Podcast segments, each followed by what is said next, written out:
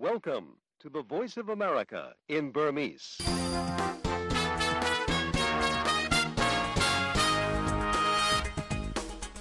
မင်္ဂလာညချမ်းပါသောရရှင်များရှင် VOA American အတန်ရဲ့2024ခုနှစ်ဖေဖော်ဝါရီလ16ရက်တောက်ကြနေ့ညပိုင်း VOA မြန်မာပိုင်းစီစဉ်တွေကို American ပြည်ထောင်စု Washington DC မြို့တော်ကနေမြန်မာစံတော်ချိန်ည9:00နာရီကနေ10:00နာရီထိစတင်ထုတ်လွှင့်ပေးနေပါပြီ။ကျမတို့ရဲ့ Radio ထုတ်လွှင့်ချက်တွေကိုရုပ်သံကပါရှုစားနိုင်ကြပါပြီရှင်။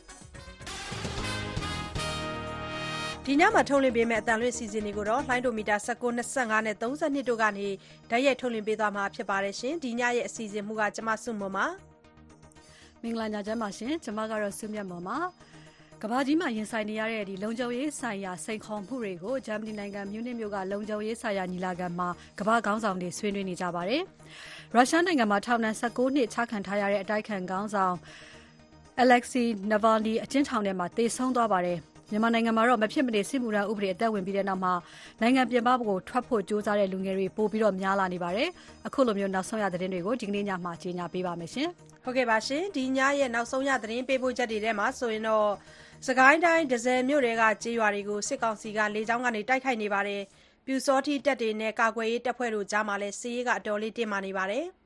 စီးရေးချိန်ကတော့ နည်းနည်းမြင့်နေသူတို့ဘက်ကလည်းအစ်စ်နေတာကျွန်တော်တို့ဘက်ကလည်းအစ်စ်အနေထားဖြစ်နေပေါ့ လေယာဉ်တွေကလောလောဆယ်မှာဒီမင်းရေးမြို့နယ်တစ်ဝိုက် မြို့နယ်နားမှာအထိ ပတ်နေတာမျိုးတော့ ရှိတာပေါ့ ကျောင်းသားတော်လှန်ရေးတပ်ဖွဲ့ဝင်တဦးတစယ်ဘက်က စစ်ရေးအခြေအနေပြောပြပေးခဲ့တာပါရှင်။ဒီသတင်းနဲ့အတူ ရှမ်းပြည်နယ်တောင်ပိုင်းစီဆိုင်မြို့မှာ လက်နက်ကြီးထိမှန်လို့ မြို့မဈေး ညလုံးပေါက် မီးလောင်ကျွမ်းနေပါတယ်။ စစ်ကောင်စီက စစ်မှုထမ်းဥပဒေပြဋ္ဌာန်းလိုက်တဲ့အတွက် စစ်မှုမထမ်းလိုတဲ့ လူငယ်တွေ ထိုင်းဘက်ကိုသွားမှာကို တားတဲ့အနေနဲ့ မြန်မာနယ်စပ်မှာ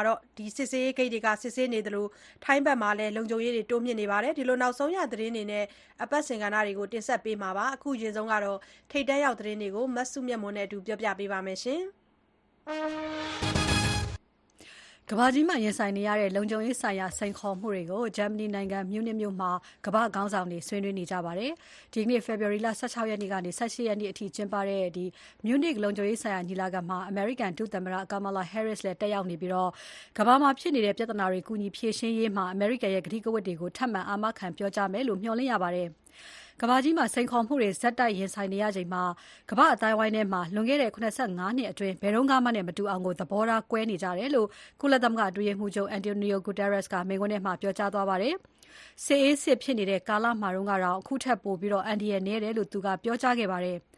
အစ္စရေးစစ်ပွဲနဲ့ ယူကရိန်းကို ရုရှားဝင်ရောက်ကျူးကျော်တိုက်ခိုက်နေတဲ့ကိစ္စနဲ့ မဟာမိတ်နိုင်ငံတွေပေါ် အမေရိကန်ကူညီမဲ့တန်တိတ်ထန်တွေက အခုညီလာခံမှာ အဓိက လွှမ်းမိုးနေလိမ့်မယ်လို့ ခန့်မှန်းရပါတယ်။ဒီညီလာခံ မကျင်းပခင်လေးမှာပဲ ယူကရိန်းနိုင်ငံက ဂျာမနီနဲ့ လုံခြုံရေးဆိုင်ရာ သဘောတူစာချုပ်ကို ချုပ်ဆိုခဲ့ပါတယ်။ ဂျာမနီဝန်ကြီးချုပ် Olaf Scholz နဲ့ ယူကရိန်းသမ္မတ Volodymyr Zelensky တို့ ဒီကနေ့မနက်အစောပိုင်းက ဘာလင်မြို့တော်မှာ အပြန်အလှန် လုံခြုံရေးသဘောတူညီချက်ကို လက်မှတ်ရေးထိုးခဲ့ကြပါတယ်။ပြင်သစ်နိုင်ငံနဲ့လည်း အလားတူစာချုပ်ကို သမ္မတ Zelensky ပြင်သစ်နိုင်ငံမှာ လက်မှတ်ရေးထိုးခဲ့ပါတယ်။ယူကရိန်းစစ်ပွဲအတွက် စစ်စစ်ကူညီထောက်ပံ့ဖို့ အသုံးစရိတ်မူကြမ်းကို အမေရိကန်လွှတ်တော်မှာ အတိမပြုနိုင်သေးပဲဖြစ်နေချိန်မှာ ဥရောပနိုင်ငံတွေနဲ့ ယူကရိန်းက လုံခြုံရေးဆိုင်ရာ သဘောတူစာချုပ်တွေကို ချုပ်ဆိုနေတာဖြစ်ပါတယ်ရှင်။ မြောက်အတ္တလန္တိတ် မဟာမိတ်အဖွဲ့ NATO နဲ့ ယူကရိန်းတို့ ပူးပေါင်းပြီး ယူကရိန်းစစ်ပွဲနဲ့ ပတ်သက်တဲ့ သုတေသန သင်တန်းနဲ့ ပညာရေးစင်တာသစ်တခုကို ပိုလန်နိုင်ငံမှာ ဖွင့်လှစ်သွားမယ်လို့ NATO မဟာမိတ်အဖွဲ့ အတွင်းရေးမှူးချုပ် Jens Stoltenberg က ကြာသပတေးနေ့က ပြောလိုက်ပါတယ်။ It will allow Ukraine to share lessons learned from Russia's war and it will create a structure for Ukrainian forces to learn NATO အတွင်းရေးမှူးချုပ် ပြောပြသွားတာကတော့ ဒီစင်တာကနေ ရုရှားနဲ့ စစ်ပွဲကနေရရှိလာတဲ့ သင်ခန်းစာတွေကို မျှဝေနိုင်မှာဖြစ်သလို ယူကရိန်းတပ်ဖွဲ့တွေအတွက်လည်း တခြားမဟာမိတ်တပ်ဖွဲ့တွေနဲ့ လက်တွဲပြီး လေ့လာရေးနဲ့ သင်တန်းတွေကိုပို့ချသွားမှာဖြစ်တယ်လို့ ယူကရိန်းနဲ့ NATO အဖွဲ့ဝင်နိုင်ငံတွေက ကာကွယ်ရေးဝန်ကြီးတွေရဲ့ တွေ့ဆုံပွဲအပြီးကျင်းပတဲ့ကြာသပတေးနေ့က သတင်းစာရှင်းလင်းပွဲမှာ ပြောသွားတာဖြစ်ပါတယ်။ ယူကရိန်းနဲ့ ရုရှားတို့ စစ်ပွဲ ၃ နှစ်ထဲ ဝင်လာနေချိန်မှာ အခုလို စင်တာဖွင့်လှစ်ဖို့ ဆုံးဖြတ်ခဲ့တာလည်း ဖြစ်ပါတယ်။ဒါ့အပြင် NATO မဟာမိတ်အဖွဲ့ဝင်နိုင်ငံတွေ ပါဝင်တဲ့ အဖွဲ့တခုက ယူကရိန်းကို အဝေးထိန်း ဒရုန်း ၁ သန်း ပေးပို့သွားမယ့်အကြောင်းလည်း Mr. Stoltenberg က ပြောပါတယ်။ဒီအတောအတွင်းအမေရိကန်သမ္မတ Joe Biden နဲ့ အစိုးရ ထိပ်တန်းအရာရှိတွေကလည်း ယူကရိန်းအတွက် အရေးကြီးလိုအပ်နေတဲ့ အကူအညီတွေ ဆက်ပြီးပေးနိုင်အောင် ကွန်ဂရက်လွှတ်တော်က ဆုံးဖြတ် အတည်ပြုပေးဖို့လည်းတိုက်တွန်းနေပါတယ်။ ရုရှားနိုင်ငံမှာတော့ ထောင်ဒဏ် ၁၉ နှစ်ချခံထားရတဲ့ အတိုက်အခံခေါင်းဆောင် Alexei Navalny အသက် ၄၇ နှစ်အရွယ်မှာ ကွယ်လွန်သွားတယ်လို့ ရုရှားအကျဉ်းဦးစီးဌာနက သတင်းထုတ်ပြန်ပါတယ်။ရာသီဥတုကြမ်းတမ်းတဲ့ အာတိတ်စက်ဝိုင်းဒေသထဲမှာတည်ရှိပြီး ရုရှားရဲ့ အဆိုးဆုံးအကျဉ်းထောင်တခုဖြစ်တဲ့ IK3 အကျဉ်းထောင်ထဲမှာ Navalny ဟာ လမ်းလျှောက်နေရင်း လဲကျသွားရာက သတိပြန်မလည်လာတော့ဘူးလို့ အကျဉ်းထောင်က သတင်းထုတ်ပြန်ပါတယ်။ သူလဲကျသွားတဲ့နေရာကို ဆေးဝန်ထမ်းတွေ ချက်ချင်းသွားရောက် ကုသပေးခဲ့သလို အရေးပေါ် ဆေးရုံက ခေါ်ပေးခဲ့ကြောင်းနဲ့ အရေးပေါ် ကုသပေးသူတွေ ရောက်လာချိန်မှာ သေဆုံးသွားပြီလို့ အတည်ပြုကြောင်း ထုတ်ပြန်ချက်မှာ ပြောထားပါတယ်။သူဘာကြောင့် သေဆုံးသွားတယ်လဲဆိုတာကို စုံစမ်းနေတယ်လို့ ရုရှားစုံစမ်းစစ်ဆေးရေးကော်မတီကလည်း ပြောပါတယ်။ အကျဉ်းထောင်ရှိတဲ့နေရာကို ချက်ချင်းလိုက်သွားတဲ့အကြောင်း Alexei Navalny ရဲ့ ရှေ့နေက လူမှုကွန်ရက်မှာ အသိပေးခဲ့ပါတယ်။ Navalny ကွယ်လွန်တဲ့သတင်းကို သမ္မတ Vladimir Putin ကို အသိပေးခဲ့ပြီးဖြစ်တယ်လို့ သမ္မတရုံးပြောခွင့်ရသူက ပြောပါတယ်။ Alexei Navalny ဟာ သမ္မတပူတင်ကို လူသိရှင်ကြား ပြင်းပြင်းထန်ထန် ဝေဖန်သူတယောက်ဖြစ်ပါတယ်။ရုရှားအစိုးရ အဂတိလိုက်စားမှုတွေကို ဝေဖန်ခဲ့သူတယောက်လည်းဖြစ်ပြီး သူဦးဆောင်တဲ့ အစိုးရဆန့်ကျင်ရေး လမ်းပေါ်ထွက် ဆန္ဒပြပွဲတွေမှာ ထောင်နဲ့ချီပါဝင်ခဲ့ကြပါတယ်။ ၂၀၂၀ ခုနှစ်မှာ အာရုံကြောထိခိုက်စေတဲ့ Novichok အဆိပ်မိခဲ့လို့ Alexei Navalny ဂျာမနီမှာ သွားရောက်ကုသမှုခံယူခဲ့ပြီး ၂၀၂၁ ခုနှစ်မှာ ဂျာမနီကနေ ရုရှားအပြန် ဖမ်းဆီး ထောင်ချခံခဲ့ရတာဖြစ်ပါတယ်။အတိုက်အခံခေါင်းဆောင် Alexei Navalny သေဆုံးမှုဟာ အားလုံးအတွက် ကြေကွဲစရာဖြစ်တယ်လို့ ရုရှားလူ့အခွင့်အရေးတက်ကြွလှုပ်ရှားသူ Oleg Orlov ကပြောကြားပါတယ်။ Navalny သေဆုံးမှုအတွက် ရုရှားမှာ တာဝန်ရှိတယ်လို့ အမေရိကန်နိုင်ငံခြားရေးဝန်ကြီး Antony Blinken ကလည်း ပြောကြားခဲ့ပါတယ်။ သူသေဆုံးမှုဟာ ရုရှားပြည်သူတွေအတွက် ကြီးမားတဲ့ဆုံးရှုံးမှုဖြစ်တယ်လို့ ဗြိတိန်အပါအဝင် ဥရောပခေါင်းဆောင်တွေကလည်း တုံ့ပြန်ခဲ့ကြပါတယ်။ Alexei Navalny ဘာကြောင့်သေဆုံးတယ်ဆိုတဲ့ မေးခွန်းကို ရုရှားဖြေဆိုရမယ့် တာဝန်ရှိတယ်လို့ NATO တပ်ဖွဲ့ အတွင်းရေးမှူးချုပ် Jens Stoltenberg ကလည်း ပြောကြားခဲ့ပါတယ်။ဂါဇာကမ်းမြောင်ဒေသတောင်ပိုင်း Khan Younis မြို့က အစ္စရေးစစ်တပ်ဝင်ရောက်စီးနင်းတိုက်ခိုက်ခဲ့တဲ့ Nasser ဆေးရုံမှာ အောက်စီဂျင်ပြတ်လပ်ပြီး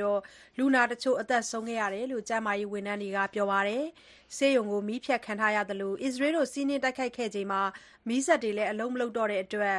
ဒီနေ့ သောကြာနေ့မှာ လူနာ ၄ ယောက် သေဆုံးခဲ့တယ်လို့ ဂါဇာကို အုပ်ချုပ်နေတဲ့ Hamas အစိုးရ ကျန်းမာရေးဌာနက ပြောပါတယ်။ ဂါဇာဒေသထဲမှာ ဆက်လက်လည်ပတ်နေဆဲ တခုတည်းသော ဆေးရုံထဲမှာ မနှစ်အောက်တိုဘာ ၇ ရက်နေ့က Hamas စစ်သွေးကြွတွေ ဖမ်းဆီးထားတဲ့ ဓားစာခံတွေ၊ဓားစာခံအလောင်းတွေ ရှိနေတယ်လို့ ယုံကြည်ရတဲ့ ထောက်လှမ်းရေးသတင်းအရ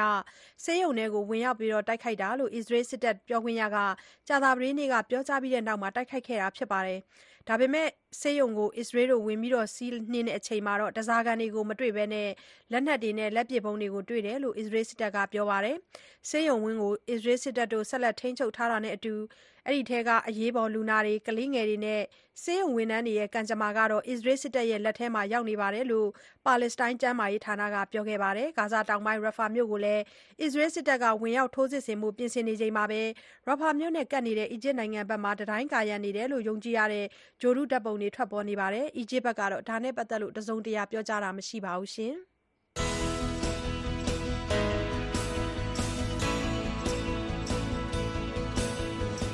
VOA အမေရိကန်အသံ ညဘက်မြန်မာဘာသာအစီအစဉ်တွေကို ညပိုင်း9နာရီကနေ10နာရီအထိ လိုင်းဒိုမီတာ19 kHz 15553 ည လိုင်းဒိုမီတာ25 kHz 11803ည လိုင်းဒိုမီတာ32 kHz 9335တို့အပြင်စနေတနင်္ဂနွေမှာလိုင်းလံမီတာ190 kHz 1505တို့ကနေထုတ်လွှင့်ပေးနေပါတယ်ခင်ဗျာ February 16ရက်တောက်ကြနေညဘက်နိုင်ငံတကာသတင်းတွေကို VOA ကဆက်ပြီးကြီးညာပေးနေပါတယ်ရှင်။မြန်မာနိုင်ငံမှာအရွယ်ရောက်ပြီးအမျိုးသားအမျိုးသမီးတွေမဖြစ်မနေစစ်မှုထမ်းရမယ့်ဥပဒေစစ်ကောင်စီကထုတ်ပြန်ခဲ့ပြီးတဲ့နောက်မှာနိုင်ငံပြင်ပကိုထွက်ဖို့ကြိုးစားတဲ့လူငယ်တွေပိုပြီးများလာနေပါတယ်။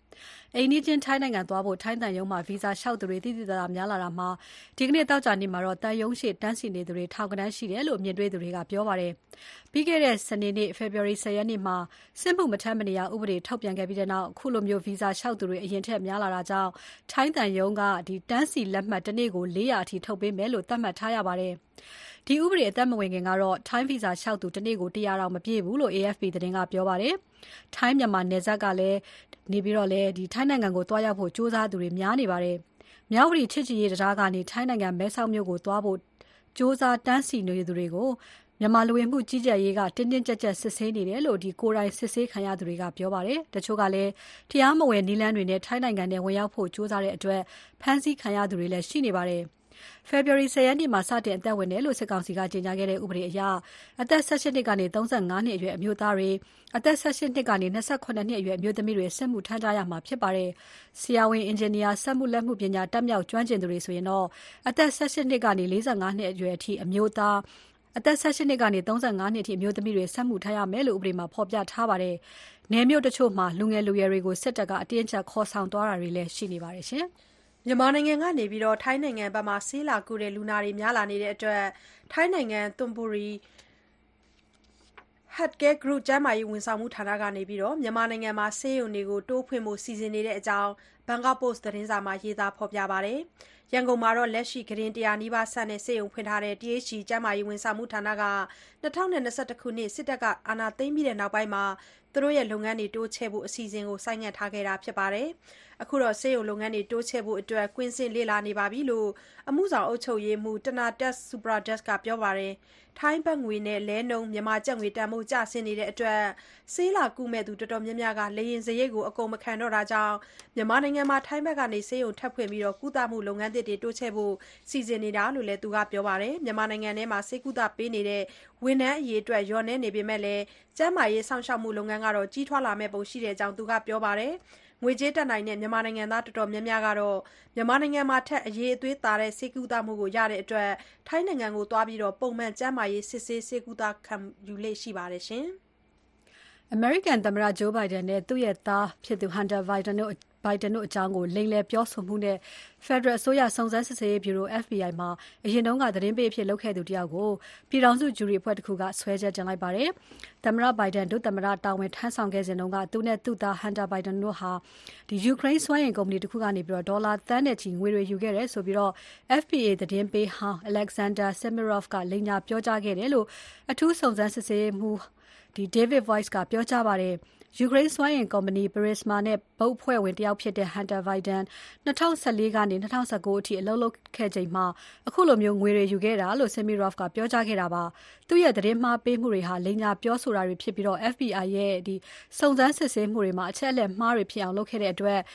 ဖက်ဒရယ်ဂျုရီအဖွဲ့က စွဲချက်တင်လိုက်တာဖြစ်ကြောင်း အထူးစုံစမ်းစစ်ဆေးရေးမှူး Weiss ရဲ့ ထုတ်ပြန်ချက်မှာ ပြောကြားထားပါတယ်။ တောင်ကိုရီးယား လက်ရွေးစင် ဘောလုံးအသင်းနည်းပြ Jurgen Klinsmann ကို ဒီနေ့ပဲ ဖြုတ်လိုက်ပြီလို့ ကိုရီးယား ဘောလုံးအဖွဲ့ချုပ် KFA က ပြောပါတယ်။ဒီလအစောပိုင်းက ကျင်းပခဲ့တဲ့ အာရှဖလားပွဲမှာ တောင်ကိုရီးယားအသင်း ရှုံးခဲ့ပြီးနောက် သူ့ကို ဖြုတ်ဖို့ တောင်ကိုရီးယား လက်ရွေးစင်အသင်း ကော်မတီက အကြံပြုပြီး နောက်တရက်မှာခုလို ဖြုတ်လိုက်တာပါ။ FIBA ကမ္ဘာ့အဆင့်သတ်မှတ်ချက်မှာ အဆင့် ၂၃ ရှိတဲ့ တောင်ကိုရီးယားဘောလုံးအသင်းဟာ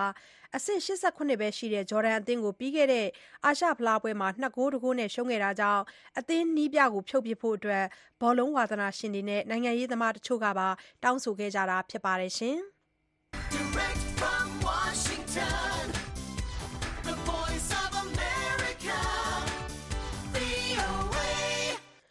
သောကြာညရဲ့ ထိပ်တန်းရောက်သတင်းတွေကို မစုမြတ်မွန်ကတင်ပြပေးထားပါတယ်။အခုဆက်ပြီး သတင်းပေးပို့ချက်တွေကို တင်ဆက်ပေးပါမယ်။အရင်ဆုံးတန့်ဆည်မြို့နယ်က ကျေးရွာတွေကို စစ်ကောင်စီက လေကြောင်းကနေ တိုက်ခိုက်နေတဲ့ အခြေအနေသတင်းကို တင်ပြပေးပါမယ်။စစ်ကိုင်းတိုင်း တန့်ဆည်မြို့နယ်က ကျေးရွာတွေကို စစ်ကောင်စီတပ်က ၂ ရက်ဆက်တိုက် လေကြောင်းကနေ ဗုံးကြဲတိုက်ခိုက်နေတာကြောင့် ထိခိုက်သေဆုံးမှုတွေရှိတယ်လို့ ဒေသခံတွေက ပြောပါတယ်။ မင်းကင်းမြို့နယ်ထဲမှာလည်း စစ်တပ်ထောက်ခံတဲ့ ပျူစောထီးတွေနဲ့ကာကွယ်ရေးတပ်ဖွဲ့တွေကြား စစ်ရေး တင်းမာနေပါတယ်။စစ်ကိုင်းတိုင်းထဲက စစ်ရေးအခြေအနေတွေအကြောင်း သတင်းပေးပို့ချက်ကို အခြေခံပြီး ကိုရန်နိုင်က တင်ပြပေးထားပါတယ်။တန့်ဆည်မြို့နယ်ထဲက ကျေးရွာတွေကို စစ်တပ်က ဖေဖော်ဝါရီ ၁၄ ရက်ကနေ ဖေဖော်ဝါရီ ၁၅ ရက်အထိ ၂ ရက်ဆက်တိုက် လေကြောင်းကနေ ဗုံးကြဲတိုက်ခိုက်နေတယ်လို့ ဒေသခံတွေက ပြောပါတယ်။ကျေးရွာတွေကို စစ်တပ်က စစ်ကြောင်းထိုးတာမရှိသလို တိုက်ပွဲလည်းဖြစ်တာမရှိဘဲ လေကြောင်းကနေ တိုက်ခိုက်နေတာလို့ ဒေသခံတွေက ပြောတာပါ။လေကြောင်းတိုက်ခိုက်မှုအတွင်း သေဆုံးတာလည်းရှိတယ်လို့ တန့်ဆည်ဒေသခံတဦးက အခုလို ပြောပါတယ်။“၈ နာရီခွဲလောက်က တကြိမ်လေ။၁၁/၂၀ မှာတကြိမ်။ဘယ်သူမှရဲ့အနောက်နားလေးဆင်ရေအိုးတို့ အဲ့နားပတ်ချာလည်ပေါ့။ဟုတ်တယ် ရွာဘေးကျတာပေါ့။ရွာကို ကြဲတာလား မသိဘူး။တိုက်ပွဲလည်းမရှိဘူးဗျ။အမျိုးသမီးတယောက်လား မသိဘူး အဲ့လိုဖြစ်တယ်လို့ သတင်းရတယ်။အဲ့ဒါတော့ အတိအကျတော့ မသိသေးဘူး။တယောက်တော့ ဖြစ်တယ်လို့တော့ ပြောတယ်။ဆုံးတာပေါ့။၁၅ ရက်နေ့က ၃၉ ရယ် ၅၁ မိုင်ရယ် ပစ်တယ်ဗျာ။တန့်ဆည်နဲ့ ကလေး၀အစပ်ပေါ့။အဲ့ဘက်က တောကျယ်ဆိုတဲ့ ရွာရှိတယ်။အဲ့နားလေး၁15ရက်နေ့ကဖြစ်တယ်ဗျာဒီ14ရက်နေ့ကလား မသိဘူး အဲတော့လည်း39မှာဖြစ်တယ်ဗျာဘုံကျဲတိုက်ခိုက်မှုမှာ ဒဏ်ရာရတာတွေရှိပေမဲ့အတိမပြုတ်နိုင်သေးဘူးလို့ ဒေသခံတွေက ပြောပါတယ်။ ဒဇယ်မျိုးတွေကစစ်တပ် တပ်ဆွဲထားတဲ့နေရာတွေကို ပြီးခဲ့တဲ့ နိုဝင်ဘာလထဲမှာ ကာကွယ်ရေးတပ်ဖွဲ့တွေ ဝင်ရောက်တိုက်ခိုက်ပြီးတဲ့အချိန်ကစလို့ တိုက်ပွဲတွေမှာဖြစ်တော့တာနှစ်လနီးပါး ရှိလာပါပြီ။ဒဇယ်မျိုးထဲမှာ တိုက်ပွဲတွေ ပြင်းထန်လာတဲ့အချိန်က မြို့ကန်တွေဟာ မြို့ကိုစွန့်ခွာခဲ့ပြီး နီးစပ်ရာကျေးရွာတွေမှာတွားရောက်ခိုလုံနေကြရပြီး အချိန်ကြာမြင့်လာတဲ့အတွက် စားတောက်ရေး ခက်ခဲနေသလို မြို့ထဲမှာလည်း တိတ်ဆိတ်ခြောက်ကပ်နေတယ်လို့ မြို့ကန်တွေက ပြောပါတယ်။မင်းကင်းမမှာဆိုရင်လည်း ဖေဖော်ဝါရီလ ပထမအပတ်ထဲမှာ စစ်တပ်ထောက်ခံတဲ့ ပျူစောထီးတွေရဲ့ ကူလဲကျေးရွာကို ကာကွယ်ရေးတပ်ပေါင်းစုတွေဘက်က တိုက်ခိုက်သိမ်းပိုက်ခဲ့ပြီးကံကျေးရွာကိုတော့ ဆက်လက်ထိန်းချုပ်ထားတယ်လို့ ဆိုပါတယ်။စစ်ရေးအခြေအနေနဲ့ ပတ်သက်လို့ တိုက်ပွဲမှာ ပါဝင်တိုက်ခိုက်နေတဲ့ចောင်းသားတော်လိုင်းတပ်ဖွဲ့က တာဝန်ရှိသူတဦးက အခုလို ပြောပြပါတယ်။။အာစီရေးချိန်ကတော့ နည်းနည်းမြင့်နေသူတို့ဘက်ကလည်းအစ်စ်မြင်တာကျွန်တော်တို့ကလည်းအစ်စ်အနေထားဖြစ်နေပေါ့။လေရင်တွေကလောလောဆယ်မှာဒီမင်းမြို့နယ်တဝိုက်မြို့နယ်နားမှာအထိ ပတ်နေတာမျိုးတော့ ရှိတာပေါ့။အဲကူလဲဆိုတဲ့စကန်တစ်ခုတော့တင်ထားတယ်ကျွန်တော်တို့ဒီအဲကန်ရွာပေါ့။ မိုက်တင်ထားတယ်ဆိုတဲ့ စကလုံးထက်ဆိုင် သူတို့လည်း လက်လွတ်ထားတယ် ကျွန်တော်တို့ကလည်း မသိနိုင်သေးဘူးဆိုတဲ့ပုံစံမျိုး သူတို့ကလည်းတက်ကို နောက်ခေါက်ထားတယ် ကျွန်တော်ကနောက်ခေါက်ထားတယ် စစ်တလင်းဖြစ်သွားတာပေါ့ သိမ့်နိုင်တယ်လို့တော့ မဆိုလို့ပေါ့ တဲကတော့ လုံးဝသိမ့်နိုင်တဲ့ အနေထားပါ သူတို့80တက်ဖို့လည်း လုပ်နေပါတယ် ကျွန်တော်တို့ဘက်ကျတော့လည်း လက်နုစီရင်အားပုံများလာဖြစ်တဲ့အတွက်အဲကျွန်တော်တို့ဘက်ကလည်း အင်အားတိုးထားတယ်တို့ဘက်ကအင်အားတိုးထားတယ် သိမ့်နိုင်လားဆိုတော့ မသိမ့်နိုင်ဘူး ဒါပေမဲ့သူတို့ရော ရှိနေလားဆိုတော့ သူတို့လည်း မရှိတော့ဘူးတက်ခောက်သွားပြီ ကျွန်တော်တို့ကလည်း တိုးဖို့က တက်ခောက်ပြီးတော့မှစစ်တလင်းအနေနဲ့သူတို့စောင့်နေတာပေါ့ကျွန်တော်တို့ကလည်းအဲ့ဒီနားမှာပဲရှိနေတယ်ကံရွာဟာစစ်တပ်ထောက်ခံသူအားကောင်းတဲ့ကြေးရွာတရာဖြစ်ပြီးတော့ကြေးရွာထဲမှာစစ်တပ်နှမ်းပေးတာအပြင်အခိုင်အမာဘန်ကာတွေတိစောက်ထားတဲ့စစ်စခန်းတစ်ခုပုံစံပြင်ဆင်ထားတယ်လို့ကာကွယ်ရေးတပ်ဖွဲ့တွေဘက်ကပြောပါတယ်။တိုက်ပွဲအတွင်းကံရွာကနေအိမ်တရာကျော်မီးလောင်ပျက်စီးခဲ့ပြီးစစ်တပ်ထောက်ခံသူတချို့သေဆုံးခဲ့တယ်လို့ကာကွယ်ရေးတပ်ဖွဲ့တွေဘက်ကသတင်းထုတ်ပြန်ထားပြီးတိုက်ပွဲနဲ့ပတ်သက်လို့စစ်ကောင်စီကသတင်းထုတ်ပြန်တာတော့မရှိသေးပါဘူး။ တိုက်ပွဲကြောင့် မင်းကင်းမြို့နယ်ကကြေးရွာရှစ်ရွာထက်မနည်းက တောတောင်တွေထဲမှာ စစ်ပေးတိမ်းရှောင်နေရပြီးတော့စားနပ်ရိက္ခာအကူအညီ လိုအပ်နေတယ်လို့ စစ်ပေးရှောင် ကူညီပေးနေသူတွေက ပြောပါတယ်ခင်ဗျာ။ဒါကတော့ဒဇယ်မြို့တွေကကျေးရွာတွေကို စစ်ကောင်စီက လေကြောင်းကနေတိုက်ခိုက်နေပြီးပြူစောထီးတပ်တွေနဲ့ ကာကွယ်ရေးတပ်ဖွဲ့တို့ကြား စစ်ရေးတင်းမာနေတဲ့ အခြေအနေသတင်းကို ကိုရန်နိုင်က တင်ပြပေးထားပါတယ်။ဆက်ပြီးစစ်ကောင်စီရဲ့ လက်နက်ကြီးထိမှန်တဲ့အတွက်ဆီဆိုင်က မြို့မဈေး မီးလောင်ကျွမ်းမှု ဖြစ်နေတဲ့သတင်းကို တင်ပြပေးထားပါတယ်။ တိုက်ပွဲတွေပြင်းထန်နေတဲ့ ရှမ်းပြည်နယ်တောင်ပိုင်း ဆီဆိုင်မြို့မှာ ကြာသပတေးနေ့ညကစပြီး ဆီဆိုင်မြို့ မြို့မဈေး မီးစတင်လောင်ကျွမ်းခဲ့ပေမဲ့အဲ့ဒီမီးလောင်နေတာကို ငြှိမ်းသတ်မယ့်လူမရှိတာကြောင့် တညလုံးနီးပါး လောင်ကျွမ်းခဲ့ရပါတယ်။ဒေသခံတွေကတော့ စစ်ကောင်စီဘက်က လက်နက်ကြီးထိမှန်ရာက မီးလောင်ကျွမ်းတာဖြစ်နိုင်ကြောင်း ပြောဆိုပါတယ်။တလနီးပါးကြာ တိုက်ပွဲတွေဖြစ်နေတဲ့ ဆီဆိုင်မြို့ နောက်ဆုံးအခြေအနေ သတင်းပေးပို့ချက်ကို အခြေခံပြီး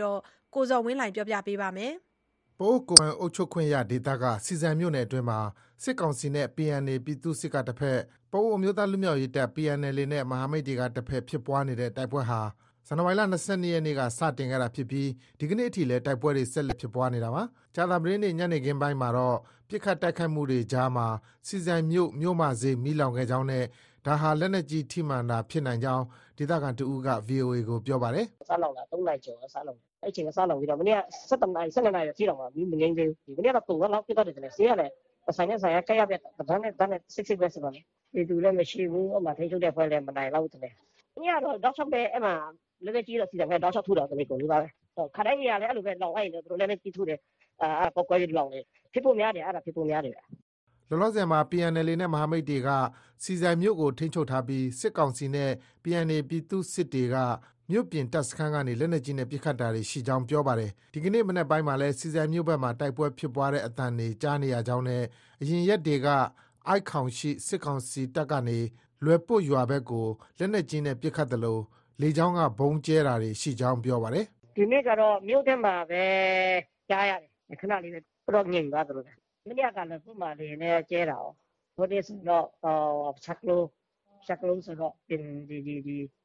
ဟိုပုန်းမြို့နယ်အစပ်မှာလည်း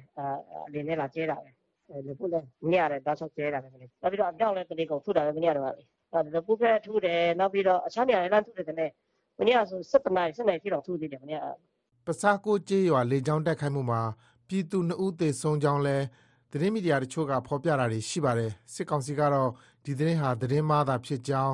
၊ PNLA နဲ့မဟာမိတ်ဘက်ကပစ်ခတ်တဲ့ကျည်ကြောင့်သေဆုံးတာဖြစ်ကြောင်းသူတို့ရဲ့တယ်လီဂရမ်စာမျက်နှာကနေငြင်းဆိုထားပါတယ်။ စစ်ကောင်စီပူးပေါင်းတပ်တွေနဲ့ PNLA အကြား တိုက်ပွဲဟာ တလနီးပါးကြာမြင့်လာနေပြီဖြစ်ပြီးစီစံမြို့နယ်အနီးဝန်းကျင်က ကျေးရွာက ပြည်သူတွေဟာ တောင်ကြီး၊ဟိုပုံးနဲ့ တခြားမြို့တွေကို တိမ်းရှောင်နေကြသလို တောတောင်တွေအတွင်း ခိုအောင်းနေသူတွေလည်း ရှိပါတယ်။ PYO ခေါ် ပအိုဝ်းလူငယ်အစည်းအရုံးက တာဝန်ရှိသူ ခွန်ဦးက ဆီဆိုင်ဒေသတိုက်ပွဲကြောင့် စစ်ရှောင်နေသူ ၇ သောင်းခန့်ရှိပြီး အကူအညီအထောက်အပံ့တွေ လိုအပ်နေကြောင်း ပြောပါတယ်။ IDP စစ်ပေးရှောင်တွေကလောလောဆယ်ချိန်ထိကျွန်တော်မှတ်တမ်းပြုစုထားတဲ့လောက်က9တောင်းအထက်မှာရှိပါတယ်။2တောင်းဝန်းကျင်လောက်ကခရီးနေဘက်ကစစ်ပေးရှောင်တွေဖြစ်ပြီးတော့မှပဲ9တောင်းအထက်လောက်ကစီဆိုင်ဘက်ကပိုးတွေအများစုဖြစ်ပါတယ်။စစ်ပေးရှောင်အကူအညီနဲ့ပတ်သက်လို့ရှိရင်အတွေ့အကြုံရဲ့ကြိုတင်ပြင်ဆင်မှုရဲ့ဒါအားနေတဲ့အတွက်ကြောင့်မလို့အကူအညီပေးတဲ့သူအသိမရှိဘူးလောလောဆယ်ရွာသားတွေချင်းချင်းကူညီတာမျိုးပဲအဓိကအတွေ့နေရတယ် ဒီနိုင်ငံတကာဖြစ်စေဒီဘိုးအင်အားစုတွေကဖြစ်စေကြီးကြီးမားမားနဲ့ထိထိရောက်ကူညီပေးတာမျိုးတော့မတွေ့ရသေးဘူးတစ်ချိန်တည်းမှာတော့ PNA ပြည်သူစစ်ကစစ်သားစုဆောင်းတာနဲ့စစ်ကောင်စီကစစ်မှုထမ်းဥပဒေပြဋ္ဌာန်းလာတာကြောင့်ဒေသတွင်းကပအိုးလူငယ်တွေဟာထိုင်းနိုင်ငံဘက်ကိုတိမ်းရှောင်တာတွေရှိနေပါတယ်ဒီအခြေအနေကိုခွန်ဦးကအခုလိုဆက်ပြောပါတယ်စစ်သားစုဆောင်းခြင်းနဲ့စစ်မှုထမ်းကိုင်တဲ့ကိစ္စကလူငယ်တွေကြားထဲမှာအထင်ကလန့်ပို့ပြီးတော့မှဖြစ်စေတယ်။ဘာလို့လဲဆိုတော့ လူငယ်တွေစစ်တဲဝင်ဖို့မလိုလားကြဘူး။အဲ့တော့လူငယ်တွေက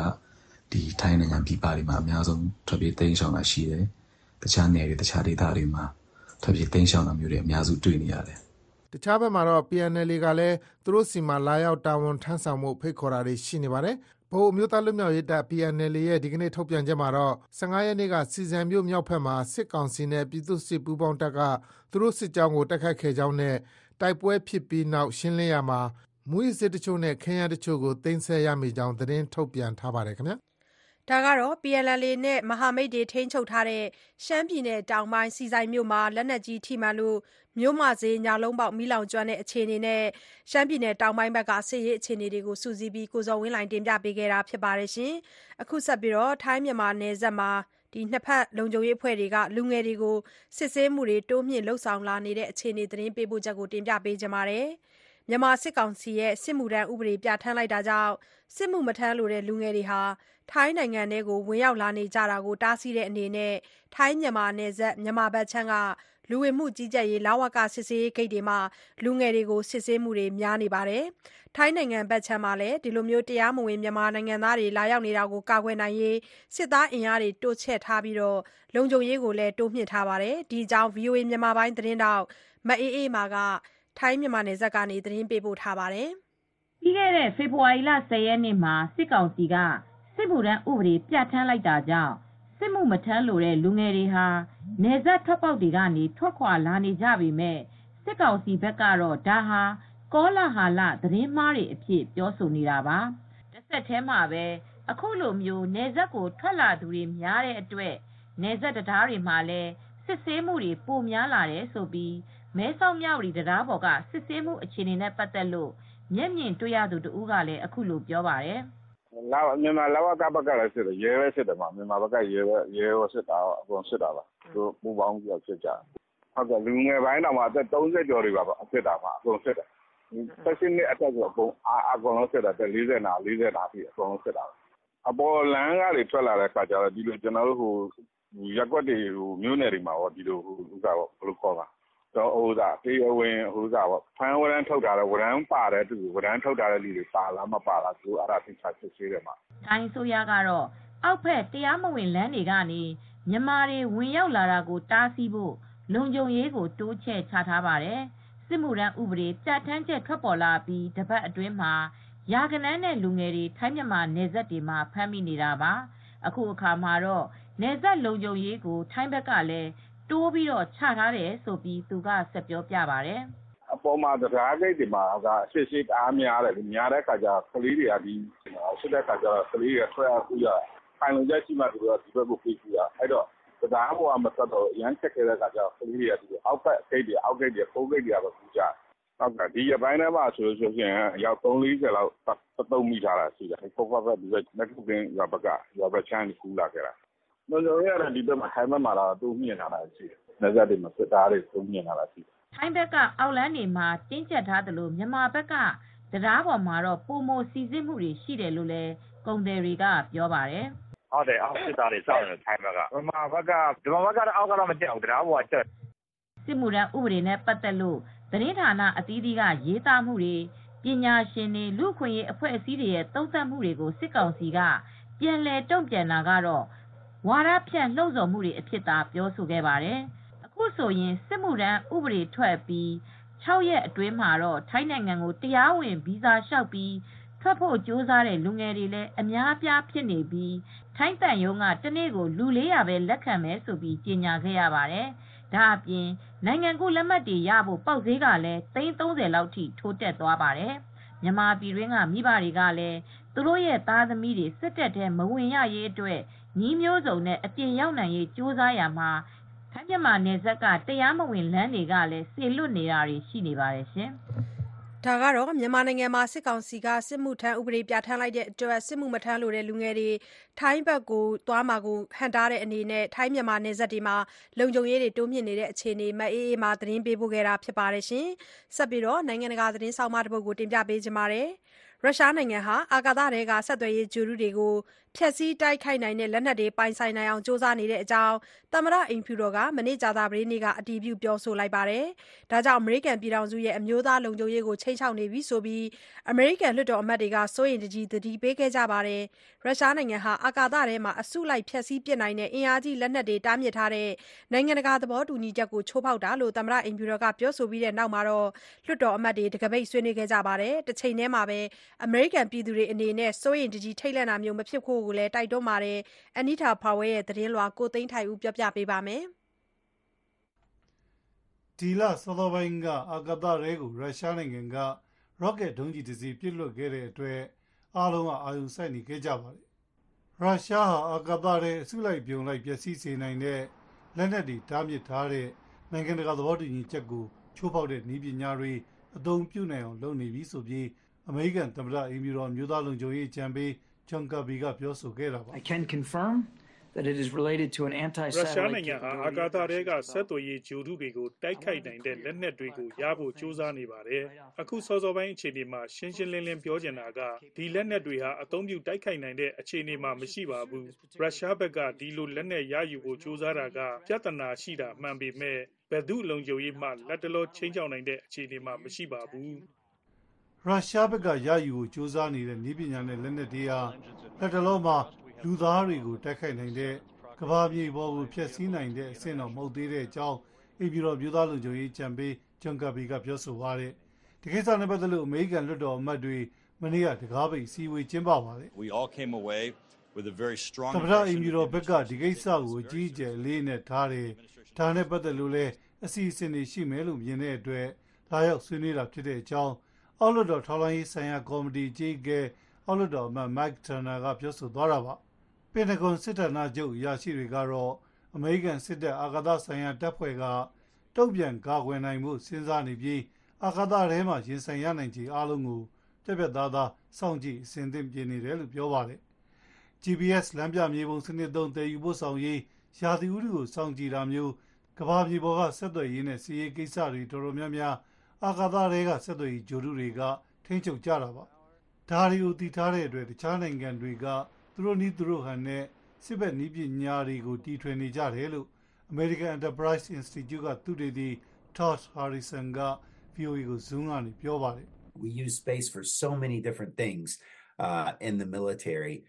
that an စီးရေး adversary အရ can မ take တူတဲ့အ space ကြောင်းအရာကိစ္စတော်တော်များများ အာကာသကို ကျွန်တော်တို့ အသုံးပြုပါတယ်။ရန်သူတွေက အာကာသကို အသုံးပြုတဲ့ ဒီစနစ်ကို ကျွန်တော်တို့ ဆက်သုံးလို့မရအောင် တိုက်ခိုက်တာမျိုး လုပ်လာခဲ့ရင် အမေရိကန်စစ်တပ်ရဲ့ အကြီးမားဆုံး အားသာချက် ပျက်စီးသွားနိုင်ပါတယ်။ဒါကြောင့် တခြားနိုင်ငံတွေ ရုရှားလို တရုတ်လို နိုင်ငံတွေက ဒီဂျိုရုဆက်သွယ်ရေးကို ဖျက်ဆီးနိုင်တဲ့ လက်နက်တွေ နှစ်ပေါင်းများစွာကတည်းက အခုချိန်ထိ တီထွင်ဖို့ လုပ်နေကြတာပါ။ လောလောဆယ်တော့အမေရိကန်အစိုးရအနေနဲ့ဒီကိစ္စကိုတန်တမာရေးအရာပထမဆုံးဖြေရှင်းဖို့ကြိုးစားသွားမယ့်အကြောင်းအိမ်ပြည်တော်မျိုးသားလုံခြုံရေးချန်ပေးဂျွန်ကာဘီကပြောပါတယ်။လက်နက်ထိန်းချုပ်ရေးဆိုင်ရာကျွမ်းကျင်သူတွေကတော့1986ခုနှစ်ကချမှတ်ခဲ့တဲ့နိုင်ငံတကာသဘောတူညီချက်ဟာအကျိုးဆက်တွေကိုအသေးစိတ်ဖော်ပြမထားပေမဲ့လည်းဒီသဘောတူညီချက်ကိုရုရှားဘက်ကချိုးဖောက်မယ်ဆိုရင်တခြားအင်အားကြီးနိုင်ငံတွေကလည်းလက်ခံကြမှာမဟုတ်ဘူးလို့မြင်ပါတယ်။ ကမ္ဘာစီးပွားရေးတစ်ခုလုံးကိုထိခိုက်ပျက်စီးသွားနိုင်တဲ့လက်နက်မျိုးတွေအသုံးပြုတိုက်ခိုက်တာမျိုးကိုရုရှားနဲ့ဆက်ဆံရေးပြေလည်တဲ့တရုတ်လိုအိန္ဒိယလိုနိုင်ငံတွေဘက်ကလည်းလက်ခံမှာမဟုတ်ဘဲအကြီးအကျယ်ကန့်ကွက်ကြမယ်ဆိုပြီးပြောဆိုကြတာပါလက်တလုံးမှာတော့ကဘာမြေရဲ့ပြိပခနဲ့အားပြိုင်မှုတွေအာကာသတွေကိုချင်းချင်းဝင်နေပြီလားစောင့်ကြည့်ဒါမှမဟုတ်မော့ကြည့်ရမှာဖြစ်ကြောင်းပါခင်ဗျာ ကိုသိန်းထိုင်ဦး တင်ပြပေးခဲ့တာဖြစ်ပါတယ်ရှင်ဒီကနေ့ညရဲ့ သတင်းတွေနဲ့ သတင်းဆောင်မတွေကတော့ ဒီလောက်ပါပဲ ဒုတိယပိုင်းနိုင်ဝက်မှာတော့ အပတ်စဉ်ကဏ္ဍအစီအစဉ်တွေ ရှုစားနားဆင်ရဖို့ ရှိပါတယ် VOA American တန်ရဲ့ သတင်းမှန်သတင်းမြန်တွေကို Telegram လူမှုကွန်ရက်စာမျက်နှာမှာလည်း ရှုစားနိုင်ပါတယ် VOA Telegram စာမျက်နှာလိပ်စာ t.me/burmese.news မှာ join လုပ်ပြီး ချိတ်ဆက်ရရပါရှင် မင်္ဂလာညချမ်းပါတော်ရရှင်များရှင်2024ခုနှစ် ဖေဖော်ဝါရီလ16ရက် တောက်ကြနေညပိုင်း ဒုတိယပိုင်းနိုင်ဝက်မှာတော့အပတ်စဉ်ကဏ္ဍတွေကို တင်ဆက်ပေးမှာပါ အရင်ဆုံးတော့အမျိုးသမီးခန္ဓာကို တင်ဆက်ပေးခြင်းပါတယ် ဒီသတင်းပတ်မှာတော့မတန်ဆွမ်းဘဝ ခက်ခဲမှုကြားအမှုပညာအိမ်မက်ကို ပုံဖော်သူ အပိုင်းတစ်ကို တင်ဆက်ထားပါတယ်အမှုပညာကိုငငယ်လေးကလေးက ဝါသနာပါတာ သိပေမဲ့ ပကြီးအမှုပညာမှာ အာတန်ခဲ့တာကိုတော့အသက်30ကျော်မှ ရှာဖွေသိရှိခဲ့ပါတယ်လို့ပကြီးဆရာမ ခင်တီတာပိုင်က ပြောပါတယ် ပိုလီယိုယောဂါကြောင့် အသက်တစ်နှစ်အရွယ်လောက်ကနေစပြီး သူဟာမတန်ဆွမ်းဘဝနဲ့ နေခဲ့ကြရပြီးတော့ခက်ခက်ခဲခဲ ရုန်းကန်ခဲ့ရပေမဲ့နောက်ဆုတ် အရှုံးမပေးဘဲနဲ့ဘဝအိမ်မက်ကို အကောင့်ထဲဖော်နေသူ ဖြစ်ပါတယ်။အမေရိကန်ပြည်ထောင်စု ကယ်လီဖိုးနီးယားပြည်နယ်မှာ နေထိုင်တဲ့ပကြီးဆရာမ ခင်တီတာပိုင်ရဲ့ ဖြတ်တန်းမှုတချို့ကို ဒီသတင်းပတ်ရဲ့အမျိုးသမီးကဏ္ဍမှာမက်ခင်ဖြူထွေးတင်ဆက်ထားပါတယ်။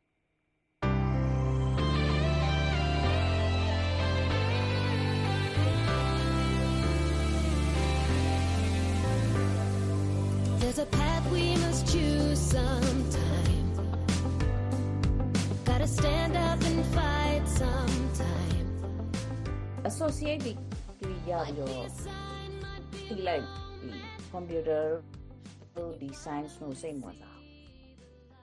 အဲ့မှာအတော်တယောက်က career counselor မှာသွားပြီး appointment လုပ်ပြီးသွားစစ်ဆေးကြည့်လိုက်ဆိုတော့အဲ့မှာစစ်ဆေးကြည့်လိုက်တော့တစ်လကြာတယ်သူနဲ့ appointment နေ သူက assignment တွေဟိုအိမ်စာတွေပေးလိုက်တယ်ဒါတွေကို phone တွေဖြည့်နင်ဘယ်မှာအာတန်နေဆိုအဲ့မှာသူက fine art မှာအာတန်တာတဲ့သူကပြောတယ်ဆိုတော့အဲ့မှာတခြား counselor နဲ့သွားပြီးစကားပြောလိုက်တယ်ဒီ science ကိုမယူတော့ art ကိုပြောင်းတော့မယ်ဆိုတော့သူကပြောတယ်သတိထားနော်တဲ့ art တွေကအရန်ခက်ခဲတယ်တဲ့ art ကိုလိုက်စားဖို့ဆိုတာ သိတယ်လို့ဘာဆိုတော့အခုတကယ်ကိုဆရာကြီးတွေ fine artist Van Gogh တို့ဘာလို့ဆိုရင်အသက်ရှင်တော့ဆိုရင်ဘယ်သူမှသူ့ပကြီးကိုလက်မခံအောင် style လည်းမတူတော့အဲ့ခေတ်တုန်းကဘယ်သူမှမသူ့မကြိုက်ဒါပေမဲ့အခုသူသေပြီးနောက်နေ့ကျတော့ဟာသူ့ပကြီးတွေအရန်ကဘာကျော်ဖြစ်သွားတယ်ဒီကဘာကျော်ဆရာကြီးတွေရဲ့ ဒီပကြီးတွေဟာနောက်ပိုင်းမှာသူတို့သေဝါမှာပေါ်ပြီးလို့ဖြစ်တယ်ဆိုတော့သိရဆရာမတယောက်ကလည်းပြောဘူးတယ်ဆိုတော့ဟိုဒါအဆမ်းမဟုတ်တော့ဘူးနောက်ပြီးတော့ဘဝမှာဘာမှမဘဝမှာဘယ်ဟာမှလွတ်လပ်ကိုမရခဲ့ဘူးအမြဲတမ်း fight လုပ်ပြီးမှရခဲ့ခက်ခက်ခဲခဲတင်ယူရတယ်ခက်ခဲပြီးလုပ်ရှောက်ပြီးတော့မှစောင့်ပြီးတော့မှရခဲ့တယ်ဆိုတော့ဒီဟာကြီးအဆမ်းမဟုတ်တော့ Break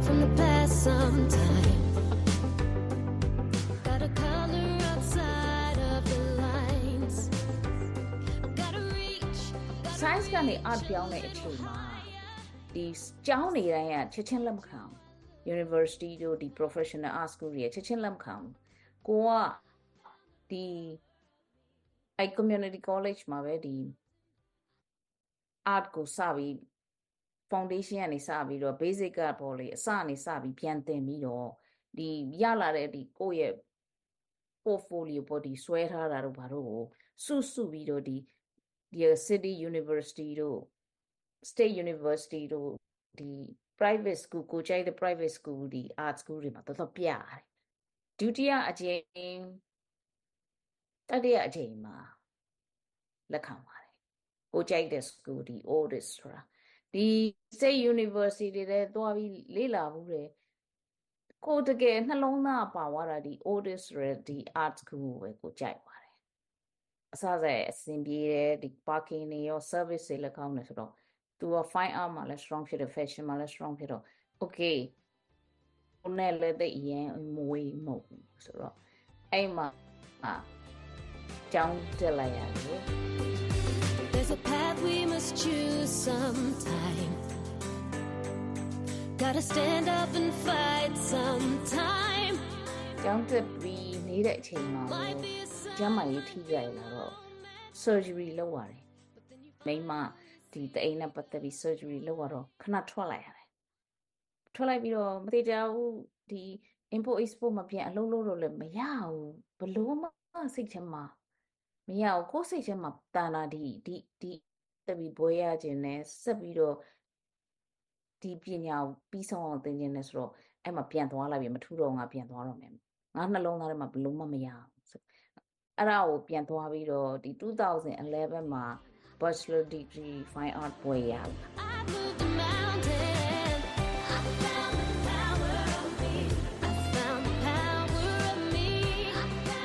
ငယ်လေးတွေကဒီအနုပညာပဲဝါသနာပါတယ်ဆိုတော့ကိုယ်ကသိထားတယ်ဆိုတော့ဒီမှာပို့ပြီးတော့ open ဖြစ်တယ်လက်ခံတယ်ဆိုတော့ဒီမှာပို့ပြီးတော့ကိုက ဒီဒီ art ကိုပြန်ပြီးကြက်မိတယ်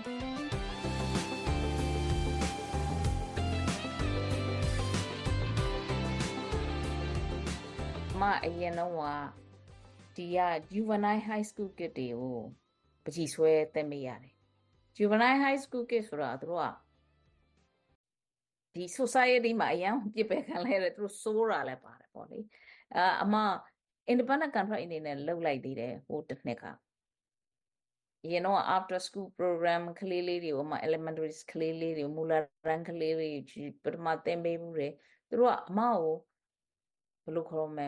miss kin miss kin ဆိုပြီးသဘောကျလာတယ်ပထမတော့သူတို့လက်မခံအောင်ခလေးဆိုတော့လေနောက်ပိုင်းကျတော့သူတို့လက်ခံလာတယ်ဒီ gallery အတိုင်းဝိုင်းတို့နောက်ပြီးတော့အမအရင် classmate တွေတို့ကျောင်းဝဆရာတွေကလည်းအဲ့လိုမျိုးအားပေးတာတွေရှိတယ်အဲ့ဒါမျိုးရဲ့ status ကိုဒီလိုမျိုးဟာကိုအမ ဒီမာရ break from the past sometime. Gotta color outside of the lines. Gotta ဒီ reach. အရေးချင်းဖြစ်သွားတော့အမအတော်ကဦးလေးရဲ့အတော်ကိုမိန်းမပြောတယ်။သမီးတဲ့သမီးမှာပတ်စံမရှိရင်တဲ့ကိုတက်တဲ့ပညာနဲ့အမှုပညာနဲ့ပကြီးဆွဲပြီးလှူလိုက်တဲ့ဒါအမုံမြတ်ဆုံးပဲတဲ့။ဆိုတော့သူတို့ဒီစဖြစ်တဲ့အချိန်မှာ ocean ပေါ့ art ocean တို့ဘာလို့လုပ်နေပြီဒေါက်တာဆာဆာတို့ဘာလို့အဲ့ဒါတွေနဲ့ဒီမင်းကိုနိုင်တို့ဒီသူတို့အဲ့ဒါမ ocean လုပ်လိုက်တော့အမဆွဲလိုက်တဲ့ပတောင်းပကြီးကားကိုဒီရောက်နေတဲ့ Massachusetts ကချမ်းမလေးထင်တယ်သူဝယ်သွားတယ်သူသဘောကျတယ်ဆိုတော့အဲ့ရနေစားပြီးအမဒီအမရဲ့အမအရင်တော့ Torrance YMCA က coworker အမရဲ့ Facebook ကိုတွေ့လိုက်တဲ့အချိန်မှာသူအမပကြီးဆွဲမှသူမသိဘူးအဲ့မှာသူစတွေ့သွားတယ်တွေ့သွားတော့တယောက်ကြားကိုပြောတဲ့အချိန်မှာသူယောက်ကြားရဲ့တငယ်ချင်းလက်မယားကဒီ beach area မှာဟိုဟာ gallery လေးကိုပိုင်တော့ဟဲ့အဲ့နေအကိုပြကြည့်မယ်တဲ့သဘောကျရင်တဲ့နေအဲ့မှာသွားပြဆိုရင်တဲ့အဲ့မှာအမဒီ article လေးတစ်ခု title လေးတစ်ခုသွားစားမိတော့လူတွေကအမြဲတမ်းရေးတယ်ဒီ fundraising မှာ save မြန်မာ save မြန်မာဆိုတော့အမဘာကိုသွားတရိရလဲဆိုတော့ဒီကမ္ဘာမှာဗမာပြည်ကလစ်လူရှုထားတယ်လို့ဖြစ်သွားတယ်အမြင်မှာ ignore လောက်ခါတော့အမအဲ့ title တစ်ခုကိုအမတော့ထိမိတာ save မြန်မာဆိုတာလူတိုင်းကသုံးနေကြတာကမ္ဘာမှာအမဘာလို့တော်တရိရလဲအမရဲ့ဒီ person ဒီ personal experience ဒီကြောင်းတက်ခဲ့တာရောပတ်ဝန်းကျင်ရော မမပြည်ဘယ်သူမှမသိတော့မမပြည်ရဲ့တကယ်ကိုလစ်လူရှုခံလာရတယ်လို့ဖြစ်သွားပြီကဘာမှာဆိုတော့အမအမတို့ save မြန်မာလို့သုံးရင်ကောင်းမလား do not ignore မြန်မာလို့သုံးရင်ကောင်းမလားဆိုတော့ तू ကအကြံဉာဏ်ပေးလိုက်တယ်အဲ do not ignore မြန်မာကိုသုံးချလိုက်တဲ့ gallery ပိုင်ရှင်ကအဲ့ရနေစပြီးအမ exhibition တို့ဘာလို့မှအမဗမာပြည်ရဲ့ ဒီတိုင်းရင်းသားတွေလို့ရှုခင်းတို့ရေးဆွဲတဲ့အချိန်မှာအမအဲ့ဟာကိုသုံးပြသွားတယ် Gotta break from the past sometime. Gotta color outside of the lines. Gotta reach. Gotta အဲ့အမရဲ့ဒီတိုင်းရင်းသားတွေရဲ့စလိတ်တောက်နေတဲ့ပုံချင်းမကြီးစလိတ်တောက်နေပုံငကွင်းကြီးတွေတို့ဗမာပြည်ရဲ့ရှုခင်းကချင်တို့ချင်းပြည်တို့ရှုခင်းနေအင်းလေးတို့ ခြေထောက်တစ်ဖက်တည်းနဲ့လှေလော်တာအမတကယ်ချင်း Taiwanese မှာပြောတယ်သူဗမာပြည်မှာပဲတွေ့ဘူးလေသူကဘာပတ်တယ်ဘယ်နိုင်ငံမှာမတွေ့ဘူးဒီကိစ္စတွေနဲ့ပတ်သက်တော့ဒီဗမာပြည်ရဲ့အနှိမ်ခံလာရတာတွေပဲကြည်လိုက်တော့သူတို့ရဲ့ fashion တို့သူတို့ရဲ့ဒီ accessory ပေါ့ဝတ်တာစားတာတွေကတကယ်ဟို exotic ဖြစ်တယ်တကယ်ဟိုကောင်းတယ်ဆိုတော့အမ fashion လည်းကြိုက်တော့အဲ့ရနေစပြီးအမသူတို့ရဲ့ဒီအဝတ်အစားတွေငကွင်းတွေ အဲ့လိုမျိုးသူဝတ်သားတဲ့ဒီဟာတွေအမကြိုက်ပြီးတော့အဲ့အရာတွေပကြီးဆွဲပြစ်သွားပြီးတော့အဲ့ title အမသုံးပြစ်သွားတယ် do not ignore မြန်မာဆို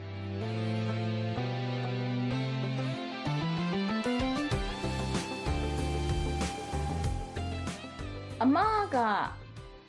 Fauvism artist လို့လည်းခေါ်တယ်အမ impressionist လည်းလုပ်တယ်အမ abstract လည်းသုံးတယ်အမ realism ဓာတ်ပုံတိုင်း တယ်လို့မဟုတ်အမတခါတလေဒီ wild animal ဒီနိုင်ငံဒီ photographer တွေလေတကယ်တရိษံအရင်တွေကိုဓာတ်ပုံရိုက်ထားတာတွေကြိုင်အမအဲ့ဟာတွေလည်းဆွဲဖြစ်တယ်အဲ့လို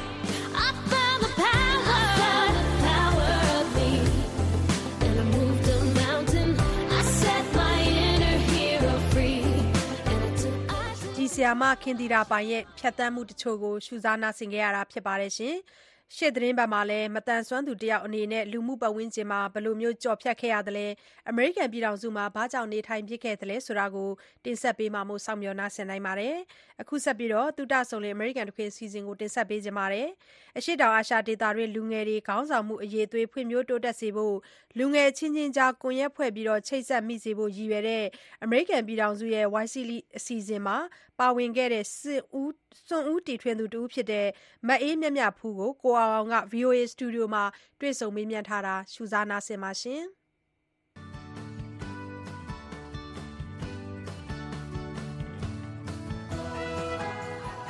မင်္ဂလာပါအင်းမြဖူးအခုလို VOA ကိုလာပြီးတော့တွေ့ဆုံမေးမြန်းခွင့်ပေးတဲ့အတွက်ကျေးဇူးတင်ပါတယ်ဆိုတော့ဒီအမေရိကကိုအခုဒါဟိုအမေရိကန်အစိုးရရဲ့ YCL ဆိုတဲ့ program နဲ့ရောက်လာတာပေါ့လေဆိုတော့ဒီ YCL program အကြောင်းနဲ့ပတ်သက်ပြီးတော့အရင်ရှင်းပြပေးပါဦးဟုတ်ကဲ့အော် YCL program ကတော့ဒီ youth လူငယ်ပေါ့နော်ဒီ Southeast Asia မှာရှိတဲ့လူငယ်အတွက်ကိုဒီလုပ်ပေးထားတဲ့ American Embassy ကနေလုပ်ပေးထားတဲ့ program ပေါ့သူကကြတော့ဘယ်လိုမျိုး တွေပါလဲဆိုလို့ရှိရင် team ၃ခုပါတယ်ပေါ့နော် team ၃ခုမှာဆိုလို့ရှိရင်ဒီ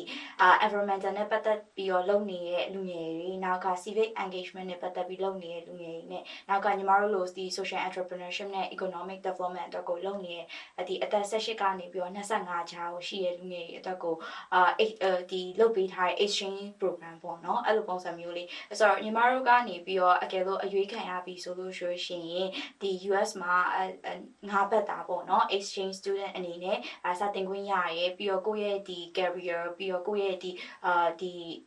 လုပ်နေတဲ့ project တွေအတွက် development အတွက်ကိုပေါ့နော် academic နဲ့ပတ်သက်ပြီးတော့သူတို့ကနေပြီးတော့ supporting ပေးရပေါ့နော်အဲ့လိုပုံစံမျိုးလေးဒီမှာ exchange program က၅ဘက်ဆိုတော့၅ဘက်ဆိုတော့ဒီအမေရိကကိုခေါ်လာပြီးတဲ့အခါကျတော့သူတို့ကဟိုဘယ်အကြောင်းတွေမှာလိုက်ပြီးတော့ပြလဲ။နောက်အဓိကဒီအမေရိကနဲ့ပတ်သက်တဲ့ဘလို့အကြောင်းအရာမျိုးသူတို့ကမိတ်ဆက်ပေးလဲဟုတ်ဟုတ်ကဲ့သူတို့ရဲ့ဒီ program ရဲ့ purpose ကကြအဓိက exchange ဆိုတဲ့အတွက်ကြောင့်မို့ဒီဒီ Southeast Asia မှာရှိတဲ့လူငယ်တွေရဲ့ဒီ culture တွေကိုရောဒီ America culture တွေကိုရော exchange လုပ်စေခြင်းတဲ့ပုံစံမျိုးအနေနဲ့သူတို့ကလုပ်ထားတဲ့ program ပေါ့နော်ဆိုတော့အာဘယ်လိုပုံစံမျိုးရှိလဲဆိုရှင်ဒီသူတို့က team ပေါ်မူတည်ပြီးတော့ university ကကွဲသွားတယ်ပေါ့နော်အာထားပါတော့ဒီ environmental တို့ဘာလို့ဆိုလို့ရှိရင် environment environmental နဲ့ civic တို့ဆိုလို့ရှိရင် University of Nebraska တို့နောက်ပြီးရင် Hawaii မှာသွားသင်ရတာမျိုးရှိတယ်ညီမတို့အာညီမတို့ဒီ social entrepreneurship and economic development team ကကြတော့အကြောင်းနှစ်ကြောင်းပေါ့နော် University of Connecticut နဲ့ University of Texas ပေါ့နော် Texas at Austin မှာညီမညီမဆိုလို့ရှိရင် Texas Austin မှာညီမတို့ဒီ UT မှာအာတင်ခဲ့ရတယ်ပေါ့ဆိုတော့အဓိကကတော့ဒီအာသူတို့ဒီမှာဆိုလို့ရှိရင် အဲ university ရဲ့အကြောင်းသားလိုမျိုးကိုစာတင်လို့ရရဲ့အပြင်မှာကိုလုပ်နေတဲ့ project တွေအတွက်ကိုလည်းအာဘာလို့လဲ academic academic perspective ကနေပြီးတော့အကုန်လုံးအဲ့လိုမျိုးသင်ပေးရမျိုးပေါ့နော်သုံးဘက်ကိုစာတင်ရရဲ့ပြီးသွားပြီဆိုလို့ရှိရင်နောက်ဆုံးနှစ်ပတ်မှာဆိုလို့ရှိရင်အဲ့လိုမျိုးဒီတခြား university တွေနဲ့အာဒီဒီ unit ထားပါတော့ညီမတို့ဒီ social entrepreneurship team မှာဆိုလို့ရှိရင် university ကနှစ်ခုကိုဆိုတော့အဲ့နှစ်ခုကိုပြန်ပြီးတော့တွေ့ပြီးတော့ Washington DC မှာပြန်တွေ့ပြီးတော့ activities တွေနောက်ကဒီ tour တွေအဲ့လိုမျိုးတွေသွားတာမျိုးရှိပါတယ် ဆိုဆိုတော့အဲ့မှာအဓိကသူတို့တွေကဘာတွေသင်ပေးလဲဟုတ်ဆိုတော့အဲဒါကတော့စောစောပြောလို့တင်းပေါ်မှာမူတည်သွားတယ်ပေါ့နော်ဆိုတော့ civic ဆိုလို့ရှိရင်လည်း civic နဲ့ပတ်သက်တဲ့ဟာမျိုးသင်ရတယ်လို့မျိုးညီမတို့ဆိုလို့ရှိရင်ဒီ social entrepreneur ဖြစ်တဲ့အတွက်ကြောင့်မလို့ဒီ business နဲ့ပတ်သက်တဲ့ဟာမျိုးတွေသူညီမတို့ဆိုလို့ရှိရင်အာဘယ်လိုမျိုးသွားရလဲဆိုရှင်ဒီ Austin မှာရှိတဲ့ဒီ community နဲ့ connect လုပ်ပြီးတော့ business networking sections တွေ join ရတယ်နောက်က pitching တွေဘယ်လိုလုပ်ရလဲပြီးတော့ဒီအာသူတို့ရဲ့ဒီအာ America မှာဆိုလို့ရှိရင် Austin မှာဆိုလို့ရှိရင်ဘယ်လို business တွေရှိလဲဒါမျိုးတွေလေ့လာလို့ရတယ်ပေါ့နော်ဆိုတော့ညာတော့အဖြစ်ဒီ Southeast Asia မှာကရှိကြတဲ့ business ပုံစံမျိုးရ traditional business တွေ small business တွေပဲဒါပေမဲ့အဲသူတို့စီမှာလေ့လာခဲ့ရတဲ့ပုံစံတွေမျိုးတွေကအများသောအားဖြင့် tech business တွေ AI နဲ့ပတ်သက်တဲ့ဟာမျိုးတွေအဲ့လိုအများကြီး innovation ကိုအရင်ပြေးနေတဲ့ဟာမျိုးတွေကိုလေ့လာရတယ်ပေါ့နော်ပြီးတော့လေဒီ grants တွေကိုဘယ်လိုမျိုးရှောင်ပါလဲဘာလို့ညီမတို့က social business ဖြစ်တဲ့အတွက်ကြောင့်မလို့ business owner တယောက်ပဲမဟုတ်ဘူးပေါ့နော်ဒီ social နဲ့ပတ်သက်တဲ့အာ impact ကိုဘယ်လိုမျိုးလုပ်မှာလဲကိုယ့်ရဲ့ community ထဲမှာရော social ကိုဘယ်လောက်အာဒီအကျိုးပြုမှာလဲဆိုတဲ့ဟာမျိုးတွေပါ impact တွေပါညီမတို့ကကြည့်ရပြီးတော့မှ innovation နောက်ကလိုက်တယ်အဲ့လိုပုံစံမျိုးတွေကိုပါလေ့လာပြီးတော့တကယ်လည်း implement လုပ်ခဲ့ရတယ်ပေါ့နော်အာဒီနေရာမှာတစ်ခုဖြတ်ပြီးတော့မေးချင်တာကအခုဒီအေးမြမြဖူးက YCL မှာအရွေးခံရတယ်ဆိုတော့ကိုကဒီစုဦးတီထွင်ဟိုလုပ်ငန်းပေါ့နော်ဆိုတော့အဲ့ဒါကိုကိုကလုပ်ခဲ့တယ် ဆိုတော့ဒါဟိုကိုလူမှုတိုင်းဝမ်ကိုလည်းအကျိုးပြုနိုင်ဖို့အတွက်ဆိုတော့ဟိုမြန်မာပြည်တော့ကဘာတွေလုပ်ခဲ့တာပါလဲဟုတ်ကဲ့အော်မြန်မာပြည်မှာတော့ကတော့ညီမကအာဒီလက်မှု club ဆိုရဲဒီ art and craft နဲ့ပတ်သက်တဲ့အာဒီတင်ယိုးတွေကိုဒီ Tower Trade ဒီ traditional ဒီပညာတွေကိုညီမကနေပြီးတော့လက်မှုပညာကြီးဖြစ်တဲ့ဒီရွှေကြီးထိုးပန်းဆယ်မျိုးဒါမျိုးတွေကိုတက်နိုင်သလားဟိုလွယ်လွယ်ကူကူသင်လို့ရအောင်ပေါ့နော်။ဘာလို့ဆိုတော့ပုံမှန်အဖြစ်အကြတော့ဒီလက်မှုပညာရွှေကြီးထိုးတွေပါဆိုလို့ဆိုရှင်သင်ရတာကအချိန်တော့တစ်ခုပေးရတယ်။ပြီးတော့ဒါကိုထိန်းသိမ်းဆောက်ရှောက်ဖို့ဆိုလို့ဆိုရှင်လည်းအကုန်လုံးက business engineering ဒါတွေကိုတွားနေကြတဲ့ဖြာမှာဒီဟာကိုသင်ဖို့အတွက်ကိုရောထိန်းသိမ်းဖို့အတွက်ရောအာဟိုဟိုအချိန်မပေးနိုင်ကြဘူးပေါ့နော်ဆိုတော့ညီမအနေနဲ့ကကြတော့ဒါတွေကို နှစ်နာရီ workshop အနေနဲ့ပြန်ပြောင်းပြီးတော့အဲဒါမျိုးတွေသင်ပေးရမျိုးတွေလုပ်တယ်။နောက်တစ်ဖက်မှာကျတော့လေဒီပြည်တွင်းမှာရှိတဲ့ဒီအဲ artisans တွေ artist တွေ product တွေကိုပေါ့နော်ဒီအာနိုင်ငံခြားမှာနိုင်ငံခြားဈေးကွက်မှာရောင်းနိုင်ဖို့အတွက်ကိုညီမကနေပြီးတော့အာလက်မှု shop ဆိုပြီးတော့လေအာတွဲပြီးတော့လုပ်ခဲ့ပါတယ်ကိုဟုတ်အခုလည်းလုပ်နေပါတယ်ရှင်ဟုတ်ဒီ Texas Tech တူကိုရောက်တဲ့အခါကျတော့ဒါဟိုကျောင်းမှာကျတော့ ပုံမှန်ကျောင်းသားတွေလိုမျိုးစာသင်ခန်းထဲမှာပဲဒါပို့ပြီးတော့သူတို့တင်နေတဲ့ course ကိုကိုကဝင်ပြီးတော့လေ့လာတဲ့ သဘောလားအာအဓိကကတော့ညီမတို့အတွက်ကိုတည်တံ့လောက်ထားတဲ့ဟိုဒီ course ကိုညီမတို့တင်ရတာပေါ့နော်ဒါပေမဲ့ဒီတခြားဒီကျောင်းမှာရှိတဲ့ဒီ University of Texas Global မှာရှိတဲ့ကျောင်းသားတွေနဲ့ဟိုဒီအဆက်ချိတ်ဆက်မိအောင်လို့သူကဟို master student master degree ကိုင်ထားတဲ့ student တွေနောက်က bachelor student တွေနဲ့ဟို cultural ambassador ဆိုပြီးရှိပြီးတော့ညီမတို့နဲ့ဒီ activities တွေလုပ်တဲ့အခါ volunteer တွေလုပ်တဲ့အခါကြာလို့ဆိုရှင်ဒီအဲ့ရကျောင်းသားတွေနဲ့ connection လုပ်ရတယ်ပေါ့နော်အဲ့လိုပုံစံမျိုး ဆိုတော့အဲ့ဒီဟို Texas ကအစီအစဉ်ပြီးတော့ဟိုနောက်ကြတော့သူတို့တခြားဘယ်တွေရောက်သေးလဲဆိုတော့အဲ့ဒီ program မှာကညီမတို့ပထမတစ်ပတ်ရောက်တဲ့အချိန်မှာကညီမတို့ကျောင်းနဲ့ပတ်သက်ပြီးတော့ program နဲ့ပတ်သက်ပြီးတော့အဲ့လို community service တွေနဲ့ပတ်သက်ပြီးလုပ်ရတယ်ပေါ့နော်အဲ့ဒါပြီးသွားတဲ့အချိန်မှာအဲ့ပထမတစ်ပတ်ရဲ့စနေတနင်္ဂနွေမှာကျောင်းညီမတို့ San Antonio နဲ့ Houston ပေါ့နော်အဲ့ကိုညီမတို့သွားလေကြတယ်သွားလေရတာကအဓိကတော့သူတို့ကဒီ US မှာရှိရဲ့ culture သူတို့ကဒီ culture အဲဒီ activity ပေါ့နော်အဓိက US မှာဘယ်လိုမျိုးကြီးရှိရလဲဆိုတဲ့ဟာမျိုးသူတို့လိုက်ပြရဲ museum တွေလေ့လာရရဲ hosting မှာဆိုလို့ရှိရင်လည်းဒီ hosting food bank မှာညီမတို့ volunteer သွားလို့ရတယ်ပေါ့နော်အာသွားပြီးတော့ဒီအစားအသောက်တွေဒီ senior အာဝင်ဒီလူတွေအတွက်ကိုညီမတို့ဒီဒီအစားအသောက် box တွေအဲ့လိုညီမတို့သွားပြီးတော့လုပ်ပေးရတဲ့ဟာမျိုးရှိရဲပေါ့အဲ့ဒါပြီးသွားတဲ့ခါကျတော့ညီမတို့ကျန်တဲ့နှစ်ပတ်ကကျောင်းမှာပဲနေပြီးတော့စာတင်တာအဲစာတင်နေပြီးရင်ကျောင်းသွားရဲပြီးတော့ကျောင်းမှာ activities တွေလုပ်တယ်ပြီးတော့အဲ့လိုကိုကအဲ့လိုမျိုးဟိုမ join ချင်ဘူးပေါ့နော်အဲ့လိုသူက optional ထည့်ပေးထားတဲ့ networking section တွေရှိရပါဆိုညီမတို့က business development နဲ့ဒီ social entrepreneurship ဖြစ်ပေါ့နော်စွန့်စွန့်ဦးတည်ထွင်နဲ့ပတ်သက်ပြီးလာဖြစ်တဲ့အတွက်ကြောင့်မလို့သူတို့ကဒီဒီ Austin ကနေပြီးတော့အဲ့လိုအဆက်အသွယ်ချိတ်ဆက်များများရအောင်လို့ပေါ့နော်အဲ့လိုမျိုးလုပ်ပြီးတော့အဲ့လို section လေးတွေဆို join လေးရတယ်မ join လေးရတယ်ပေါ့နော်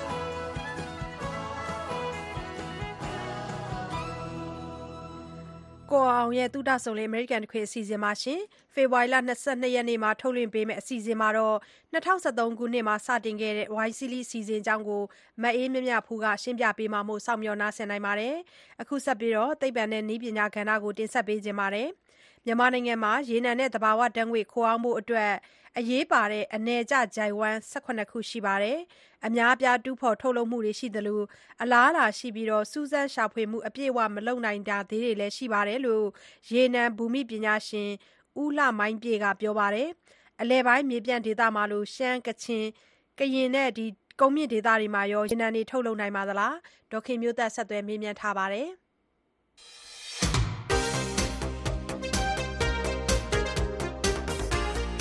မြန်မာနိုင်ငံမှာပေါ့နော်ဒီလိုစီးပွားဖြစ်ထုတ်နိုင်တဲ့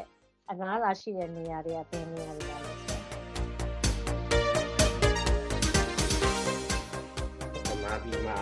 ဒီအနေကြကြိုက်ဝင်18ခုသတ်မှတ်ထားတယ်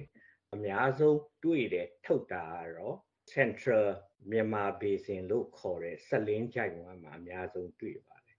အဲ့မှာဆိုရင်ဗမာပြည်ရဲ့အတိုင်းအတာနဲ့ပေါ့နော်အကြီးဆုံးဖြစ်တဲ့ရေနံကြောင်း6 မန်းထောက်ရှာပင်ရေနံမြေတွေကမ်းနီဆိုတဲ့ရေနံမြေတွေအများကြီးကျွန်တော်တို့တွေ့ခဲ့ပါတယ်အဲ့ကြိုက်ဝမ်းထဲမှာပဲဓာတ်ငွေ့မြေတွေအရာတော်တို့ပက်ပယ်တို့ဆိုတဲ့ဟာတွေကိုတွေ့တယ်အဲ့ဒါအလယ်ပိုင်း Central Basin မှာသူ့ရဲ့တောင်ဘက်ကိုရောက်လာတဲ့အခါမှာဒီ Pro Embayment ပြေအနေကျရပ်ဝင်းမှာဆိုရင်လေ မြန်အောင်ရွှေပြည်သာပြေတောင်တန်းရေနံမြေတွေတွေ့တယ်ရွှေပြည်သာကတော့ဒါဓာတ်ငွေ့မြေတခါတောင်ဘက်ကိုဆင်းလာပြီးတဲ့အခါနောက်ဆုံးပင်လယ်နဲ့ဆက်တဲ့ကြားထဲမှာရှိတဲ့ ARV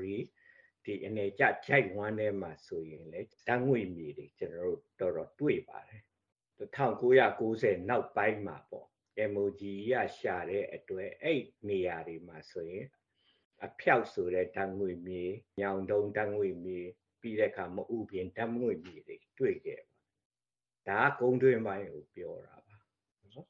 ဒီကမ်းလွန်မှာကတော့ကျွန်တော်တို့အနေကြကြိုက်ဝင်နေရာ၃နေရာရှိပါတယ်ရခိုင်ကမ်းလွန်ဟိုအနေကြကြိုက်ဝင်အဲ့မှာရွှေဓာတ်ငွေ့မြေတွေ့တယ်ထုတ်တယ်အခုတင်ပို့ရောင်းချနေတယ်ပြီးရင်မုတ်တမ offshore ကမ်းလွန်ဒီဟိုစာပေါ့အနေကြကြိုက်ဝင်ရှိပါတယ်အဲ့မှာဆိုရင်ယေဒနာနဲ့ဇောတိကနော်ကျွန်တော်တို့ထုတ်ထုတ်ပြီးရောင်းချလာတာ1998ကနေပြီးတော့အခုရက်ထိကျွန်တော်တို့ရောင်းချနေတော့တနင်္သာရီကမ်းလွန်အနေကြခြိုက်ဝမ်းမှာတော့ရဲတကူတန်ငွေမျိုးတွေ့ခဲ့တယ်တွေ့ပြီးတော့အဲ့ရနေထုတ်ပြီးရောင်းချအဲ့နေရာတွေကအများဆုံးတွေ့ခဲ့တဲ့နေရာအဲ့တော့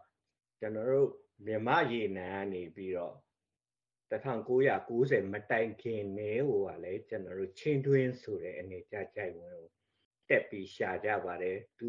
ထုတ်ဖို့လုပ်တယ်ရနန်းတို့အင်းတော်တို့မှာတွေ့ခဲ့တယ်ဒါပေမဲ့ထုတ်လုပ်နိုင်တဲ့အဆင့်ထိတော့မရောက်ခဲ့သေးပါဘူးအဲစီးပွားဖြစ်အလားအလာရှိတဲ့နေရာတွေလည်းအများကြီးပေါ့နော်ဟုတ်ကဲ့စီးပွားဖြစ်ဆိုတာပေါ့နော်ခုနအနေကြကြိုက်ဝင်နေ ရှိပေမဲ့အလားအလာရှိတဲ့ဟာတွေရှိနေပေမဲ့အပြည့်အဝမရှာနိုင်သေးတာရှိပါတယ်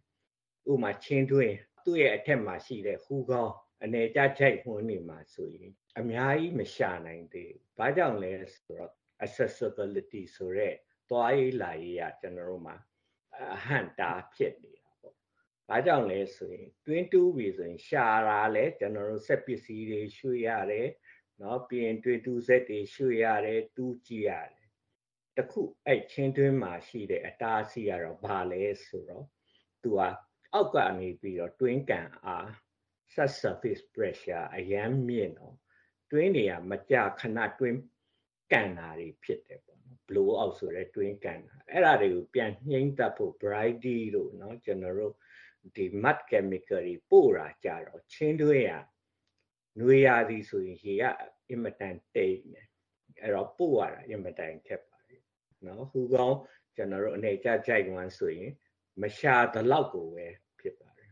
အော်ဆရာပြောသလိုဆိုလို့ရှိရင်ပေါ့နော်မြန်မာနိုင်ငံမှာရေနံတဲ့တဘာဝတန်ွေအလားလာရှိတဲ့နေရာတွေအများကြီးလို့သိရပါတယ်ဆိုတော့ကျွန်တော်အဲ့နေရာလေးတွေပေါ့နော်နည်းနည်းပိုင်းပြီးပြောပြပေးပါမြန်မာနိုင်ငံမှာအလဲပိုင်းမှာအများပြတူတယ်နောက်ပြီးတော့ကမ်းလွန်မှာကျတော့တဘာဝတန်ွေတွေထုတ်တယ် မြန်မာနိုင်ငံမှာရှမ်းပြည်ဘက်မှာရောရေနံနဲ့တဘာဝတန်ခွေနဲ့ပတ်သက်ပြီးအလားလာတွေရှိပါလားဆရာ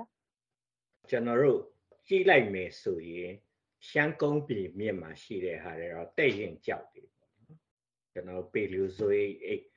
တက်တန်းရှိတယ်တဲ့ရင်ကြောက်တယ်ပဲဒါပေမဲ့အဲ့ရှမ်းကုန်းပြင်မြင့်မှာဟိုပဲအနေကြကြိုက်ဝန်းနေရှိတယ်သုံးခုရှိပါတယ်သူကတက်ကဆိုရင်နန်းရောဆိုတဲ့ဟာနောက်တစ်ခုကတီဘောလာရှိုး ကလောဆိုတဲ့ကျွန်တော်တို့အနေကြကြိုက်ဝန်းနေရှိတယ်အဲ့ရှမ်းကုန်းပြင်မြစ်ဘက်မှာဆိုရင်တော့ကျွန်တော်တို့လုံးဝကိုရေနံရှာဖွေရေးမလုပ်နိုင်သေးပါဘူးဒီရေနံရှာဖွေရေးလုပ်ပြီးဆိုရင်ကျွန်တော်တို့ seismic တိုင်းတာတာတွေလုပ်ရမယ်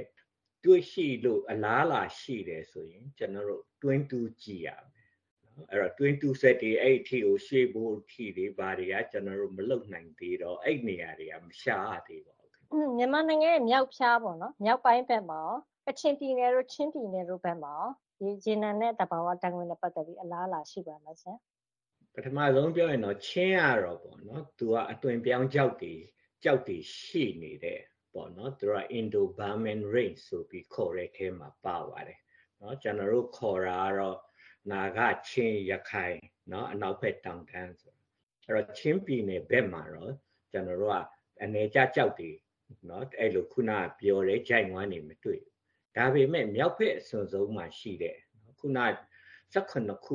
ရှိတဲ့အနေကြကြိုက်ဝန်းနေမှာမြောက်ဘက်အစွန်ဆုံးရှိတာတော့ဟူကောင်းပါပဲအဲ့တော့ဟူကောင်းတောင်တန်းကအနေဆက်ကိုကြော်ပြီးဟိုဘက်မှာဆိုရင်အိန္ဒိယရဲ့ပေါ့နော်ဒစ်ဘွာရေနံမြေဆိုတာရှိပါတယ်အဲ့လိုအနေကြပုံစံမျိုးပဲဟူကောင်းမှာရှိတယ်ဒါပြင်ဟူကောင်းကြိုက်ဝန်းမှာဆိုရင်ကျွန်တော်တို့ကဘာမှကို ထိထိရောက်ရောက်မရှာသေးပါဘူး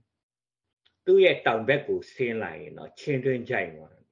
ချင်းတွင်းကြိုက်ဝန်းကတော့ခုနကပြောတယ်ချင်းတွင်းမြစ်ကိုပဲအာကိုပြီးပစ္စည်းတွေတည်ယူပို့ဆောင်ရမယ်တွင်းတူးပစ္စည်းတွေတွင်းတူးရှွန့်တွေတည်ဆောင်ရမယ်ဆိုတော့အဲ့မှာရှိတဲ့ structure အနေအထားတွေကလည်းအောက်ကနေပြီးတော့ reservoir pressure တွေများတယ် blow out တွေဖြစ်တဲ့အတွက်အဲ့မှာလည်းကျွန်တော်တို့ထိထိရောက်ရောက်မရှာရသေးပါဘူး အဲ့တော့ချင်းတွင်းဂျိုင်ဝမ်းရဲ့တောင်ဘက်အစွန်ဆုံးမှာရှိတဲ့ပထိုးလုံမှာတော့ကျွန်တော်တို့ gas ကိုတွေ့ထားပါတယ်အဲ့ gas ကိုတူးဖော်ဖို့ပြီးတော့အဲ့ data အနည်းဆုံးပေါ့လေအဲ့ gas ကိုလက်စစ်ထုတ်လို့ရေးမှာသုံးမလားဆိုပြီးတော့တူးဖို့အစီအစဉ်ရှိပေမဲ့အခုနောက်ပိုင်းဒီတိုင်းပြည်မှာနိုင်ငံရေးမငြိမ်မသက်ဖြစ်တာတွေကြောင့်အကုန်လုံးလုပ်ငန်းတွေတော့ရပ်ထားတယ်လို့ကြားပါတယ် ရေနံဘူမိဗေဒပညာရှင် ဦးလှမိုင်းပြည့်ရဲ့ ပြောကြားချက်နဲ့ပဲ ဒီသတင်းပတ်အတွက် သိပ္ပံနဲ့ နည်းပညာကဏ္ဍကို ဒီမှာပဲရန်နာလိုက်ပါရစေ နောက်တစ်ပတ်မှာ ပြန်ပြီးဆုံရအောင်မယ်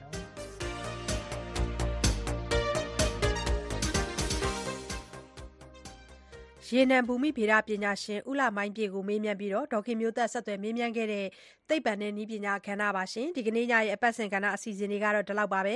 မကြခင်မှာအစီအစဉ်တွေ အဆုံးသတ်တော့မှာမို့ နောက်ဆုံးရ သတင်းချင်းချုပ်ကိုမဆုမြတ်မွန်ကတလှည့်ပြောပြပေးပါမယ် ကမ္ဘာကြီးမှာရင်ဆိုင်နေရတဲ့လုံခြုံရေးဆိုင်ရာစိန်ခေါ်မှုတွေကိုကမ္ဘာခေါင်းဆောင်တွေဂျာမနီနိုင်ငံမြူးနစ်မြို့မှာတွေ့ဆုံဆွေးနွေးနေကြပါတယ်။ကမ္ဘာမှာဖြစ်နေတဲ့ပြဿနာတွေကူညီဖြေရှင်းရေးမှာအမေရိကန်ရဲ့ကတိကဝတ်တွေကိုအမေရိကန်ဒုသမ္မတ Kamala Harris ကတက်ရောက်ပြီးထပ်မံအာမခံပြောကြားသွားပါတယ်။ကမ္ဘာမှာစိန်ခေါ်မှုတွေဆက်တိုက်ရင်ဆိုင်နေရချိန်ကမ္ဘာအတိုင်းဝိုင်းမှာလွန်ခဲ့တဲ့85နှစ်အတွင်းဘယ်တော့မှနဲ့မတူအောင်လို့သဘောထားကွဲလွဲနေတယ်လို့ကုလသမဂ္ဂအတွင်းရေးမှူးချုပ် Antonio Guterres ကမိန့်ခွန်းထဲမှာပြောကြားသွားပါတယ်။ Igris အစ္စရေးစစ်ပွဲနဲ့ ယူကရိန်းကို ရုရှားဝင်ရောက် ကျူးကျော်တိုက်ခိုက်နေတဲ့ စစ်ပွဲကိစ္စ မဟာမိတ်နိုင်ငံတွေအပေါ် အမေရိကန်ကူညီမဲ့တန်ဋိဌာန်တွေက အခုညီလာခံမှာ အဓိက လွှမ်းမိုးနေလိမ့်မယ်လို့ ခန့်မှန်းရပါတယ်။ဒီညီလာခံ မကျင်းပခင်လေးမှာပဲ ယူကရိန်းနိုင်ငံကဒီဂျာမနီနဲ့ လုံခြုံရေးဆိုင်ရာ သဘောတူစာချုပ် ချုပ်ဆိုခဲ့ပါတယ်။ဂျာမနီဝန်ကြီးချုပ် Olaf Scholz နဲ့ ယူကရိန်းသမ္မတ Volodymyr Zelensky တို့ ဒီကနေ့မနေ့အစောပိုင်းက ဘာလင်မြို့တော်မှာ အပြန်အလှန် လုံခြုံရေးသဘောတူစာချုပ်ကို လက်မှတ်ရေးထိုးခဲ့ကြတာဖြစ်ပါတယ်။ ရုရှားနိုင်ငံမှာတော့ ထောင်ဒဏ်19နှစ် ချခံထားရတဲ့ အတိုက်ခံခေါင်းဆောင် Alexei Navalny ဟာ အသက်48နှစ်မှာ သေဆုံးသွားပြီလို့ဒီရုရှားအကျဉ်းဦးစီးက သတင်းထုတ်ပြန်ပါတယ်။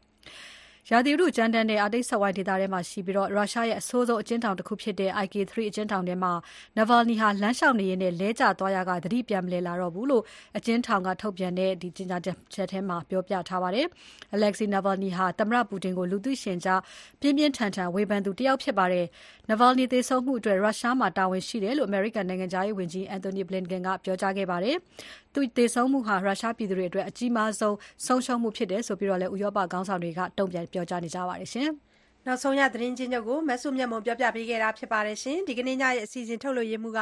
ကိုရန်နိုင်ဖြစ်ပါတယ်စက်ပိုင်းဆိုင်ရာအင်ဂျင်နီယာတွေကတော့စာယူတာဟန်ဒင်နဲ့ Robert Best ဖြစ်ပါတယ်ရှင်ကျွန်မကဆုမွန်ပါဒီညအစီအစဉ်မှုဖြစ်တာဝီယူတင်ဆက်ပေးခဲ့တာဖြစ်ပါတယ်ရှင် VOA ကိုနားတော်ရဆင်ခဲ့တဲ့အတွက်ကျေးဇူးအထူးပဲတင်ရှိပါတယ်တော်ရရှင်များနဲ့တကွမြန်မာပြည်သူပြည်သားအလုံးစိတ်ချမ်းသာကိုယ်ကျန်းမာဘေးပရာဝေးကွာလို့လိုတဲ့ဆန္ဒတွေပြည့်ကြပါသေးရှင်